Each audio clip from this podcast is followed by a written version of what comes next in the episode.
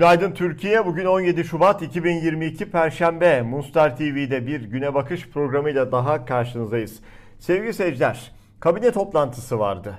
Cumhurbaşkanı Erdoğan'a kilitlenmişti. Gözler, kulaklar. O toplantının ardından neler söyleyeceği merak ediliyordu. Özellikle yüksek faturalardan vatandaş dert yanıyor.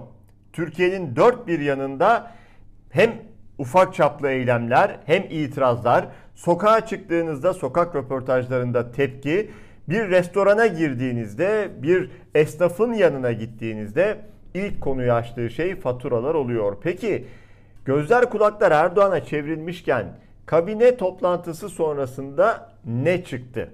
Şu çıktı sevgili seyirciler. Halka yönelik hiçbir şey çıkmadığı gibi Cumhurbaşkanı Erdoğan aynı gemideyiz diyor. Ortada bir külfet varsa bu külfeti birlikte sırtlanacağız diyor.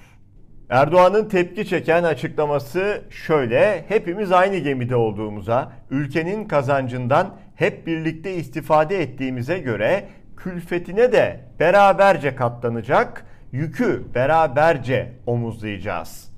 İyi Parti milletvekili Lütfü Türkkan'dan hemen cevap geldi. Ülkenin nimetlerini 20 yıldır kendi yanlarındaki bir avuç azınlıkla paylaşanlar. Şimdi sıra külfete gelince millete hep beraber çekeceğiz diyor. Nasıl nimeti yediniz? Külfeti de size yükleyeceğiz. Hem de ilk seçimde hiç kuşkunuz olmasın. Timur Soykan'dan dikkat çeken bir mesaj var. Halk ekmek kuyruğunda saatlerce bekleyenlere pazarda 1 lira az harcamak için ayakları şişene kadar yürüyenlere, evinde battaniye altında oturanlara, çikolata ister diye çocuğuyla evden çıkamayan babalara, evlatlarına haftada bir gün yumurta pişirebilen annelere bunu söylüyor diyor Timur Soykan. Herhalde en çarpıcı mesaj bu.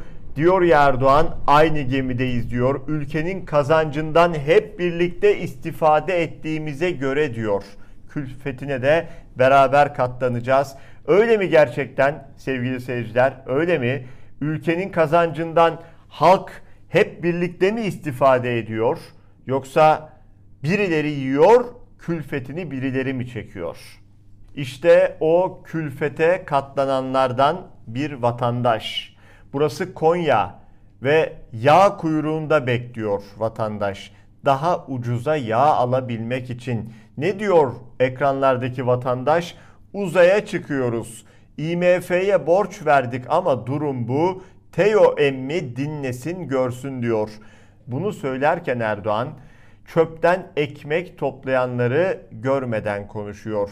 Yağ kuyruklarında, halk ekmek kuyruklarındaki vatandaşı görmeden bilmeden konuşuyor. Elektrik faturasını, doğalgaz faturasını ödeyemeyen vatandaşı bilmeden, görmeden, hissetmeden konuşuyor ve bu açıklamayı yapıyor maalesef. Öyle mi sevgili seyirciler? Biz de size sormuş olalım. Gerçekten de Erdoğan'ın dediği gibi aynı gemide misiniz Cumhurbaşkanı Erdoğan'la? Yani ülkenin nimetlerinden birlikte mi istifade istifade ediyorsunuz? Birlikte mi yiyorsunuz? Mesela beşli çeteyle birlikte mi zenginleştiniz? O ihaleleri birlikte mi aldınız? Lüks tatillere birlikte mi gidiyorsunuz? Sofrayı birlikte mi donatabiliyorsunuz? Sinemaya gidiyorsunuz, tiyatroya gidiyorsunuz. Haftada bir gün güzel bir şık bir restoranda birlikte mi yemek yiyorsunuz? Bunları birlikte yapıyor olmalısınız ki Erdoğan'a göre e külfetine de şimdi birlikte katlanacağız diyor. Yani hesabı da vatandaşa yıkıyor Cumhurbaşkanı Erdoğan. Erdoğan'ın bakın böyle söylediği ülkede ülkeden Z kuşağı kaçmak istiyor. BBC Türkçe'nin araştırması önemli bir haber. Türkiye'de Z kuşağı araştırması detaylı kısmını yine BBC Türkçe'den okuyabilirsiniz ama imkan olması halinde yurt dışında yaşamak isteyen gençlerin oranı yüzde 73 sevgili seyirciler. Politikacılara güvenmiyorum diyen gençlerin oranı da yüzde 76. Bu neyi gösteriyor biliyor musunuz? Bu iki oran şunu gösteriyor. Ülkenin gençleri ülkeden ümidi kesmişler. Ülkenin siyasetçilerinden ümidi kesmişler. Kendi geleceklerinden de ümidi kestikleri için elbette Türkiye'deki geleceklerinden ümidi kestikleri için bir imkan olması dahilinde o gençlerin %73'ü yurt dışında yaşamak istiyor. Gerçek işsizlik verileri açıklandı demiş Sol Haber. Kimin verileri bunlar? Türkiye Devrimci İşçi Sendikaları Konfederasyonu Araştırma Merkezi yani DİSKAR. 2021 yılı 4. çeyrek işsizlik ve istihdamın görünümü raporunu yayımladı. Çok çarpıcı. Çalışabilir her 10 kişiden sadece 3'ü kayıtlı ve tam zamanlı istihdamda. Geniş tanımlı işsizlik %22,5.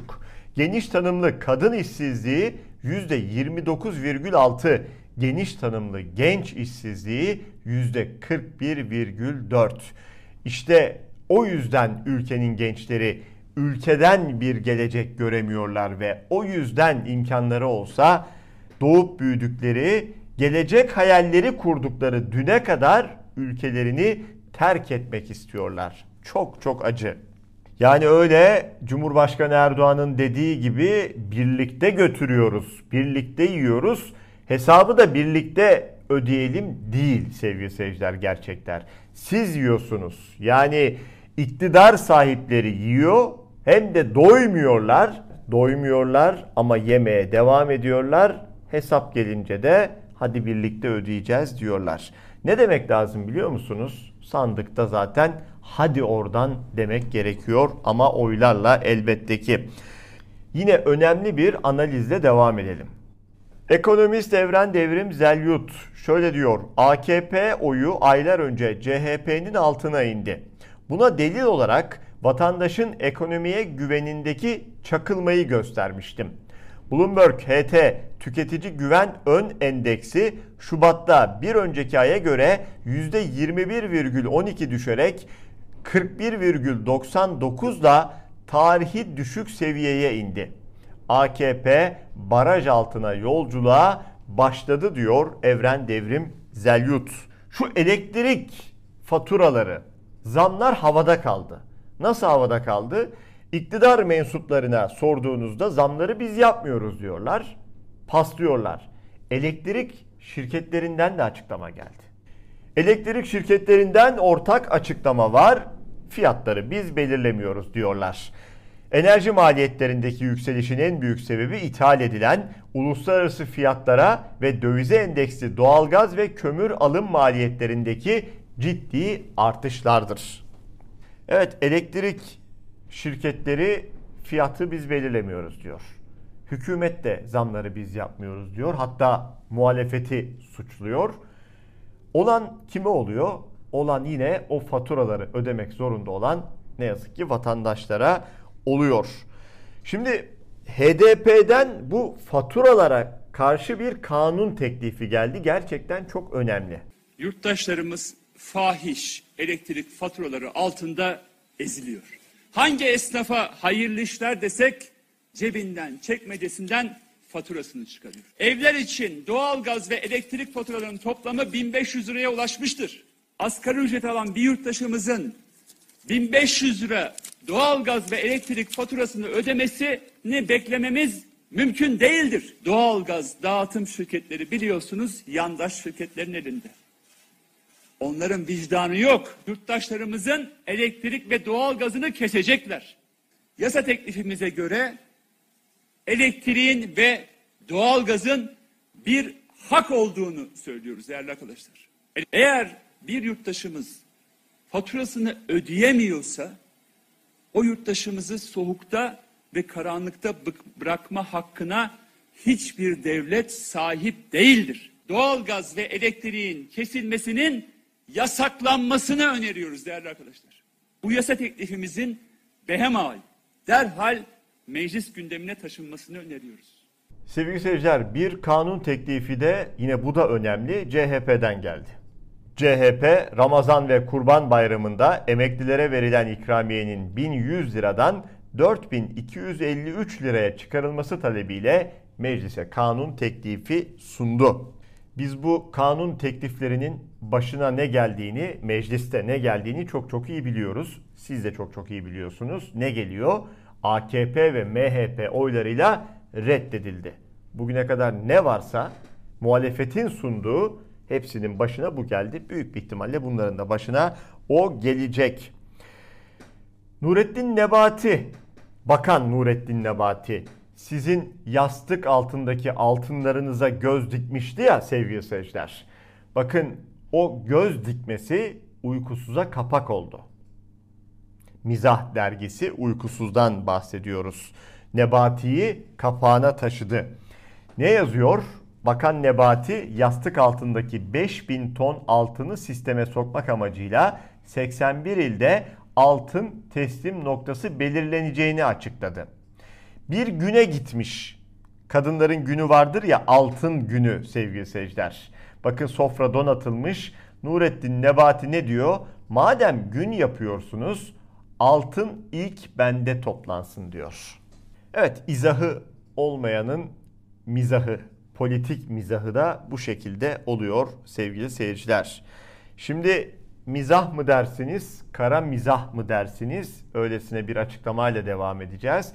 İki farklı haber paylaşacağız. Biri Erdoğan'ın açıklaması, diğeri de Erdoğan'ın açıklamayı yaptığı gün yaşanan diğer bir haber. Özgürlüklerden bahsediyor. Okuyalım.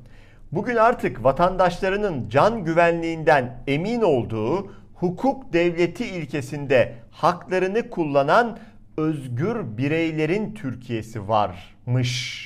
Erdoğan'a göre özgür bireylerden bahsediyor. Bakın gazeteci Sedef Kabaş özgürlüğü alınmış bir birey. Neden özgürlüğü alındı ve cezaevinde hakkında iddianame hazırlandı? 11 yılla yargılanıyor. O iddianame kabul edildi. Cumhurbaşkanı Erdoğan'la ilgili olmayan ama Erdoğan'ın üzerine alındığı bir atasözünü paylaştı. Ve Anayasa Mahkemesi jet hızıyla bir karar aldı.